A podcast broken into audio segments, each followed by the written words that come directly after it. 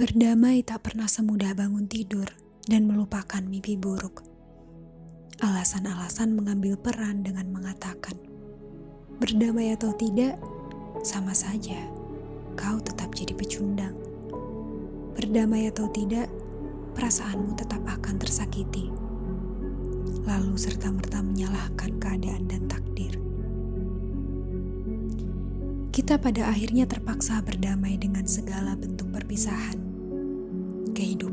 Memaksa kita untuk terus berjalan dan bertabrakan dengan perpisahan-perpisahan yang tak terelakkan.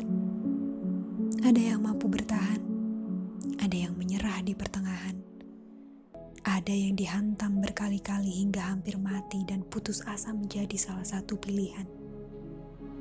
Sialnya, kehidupan tak pernah berpihak pada jiwa-jiwa yang menyerah kita tak pernah benar-benar berdamai pada diri sendiri, pada apa pun yang pernah menyakiti.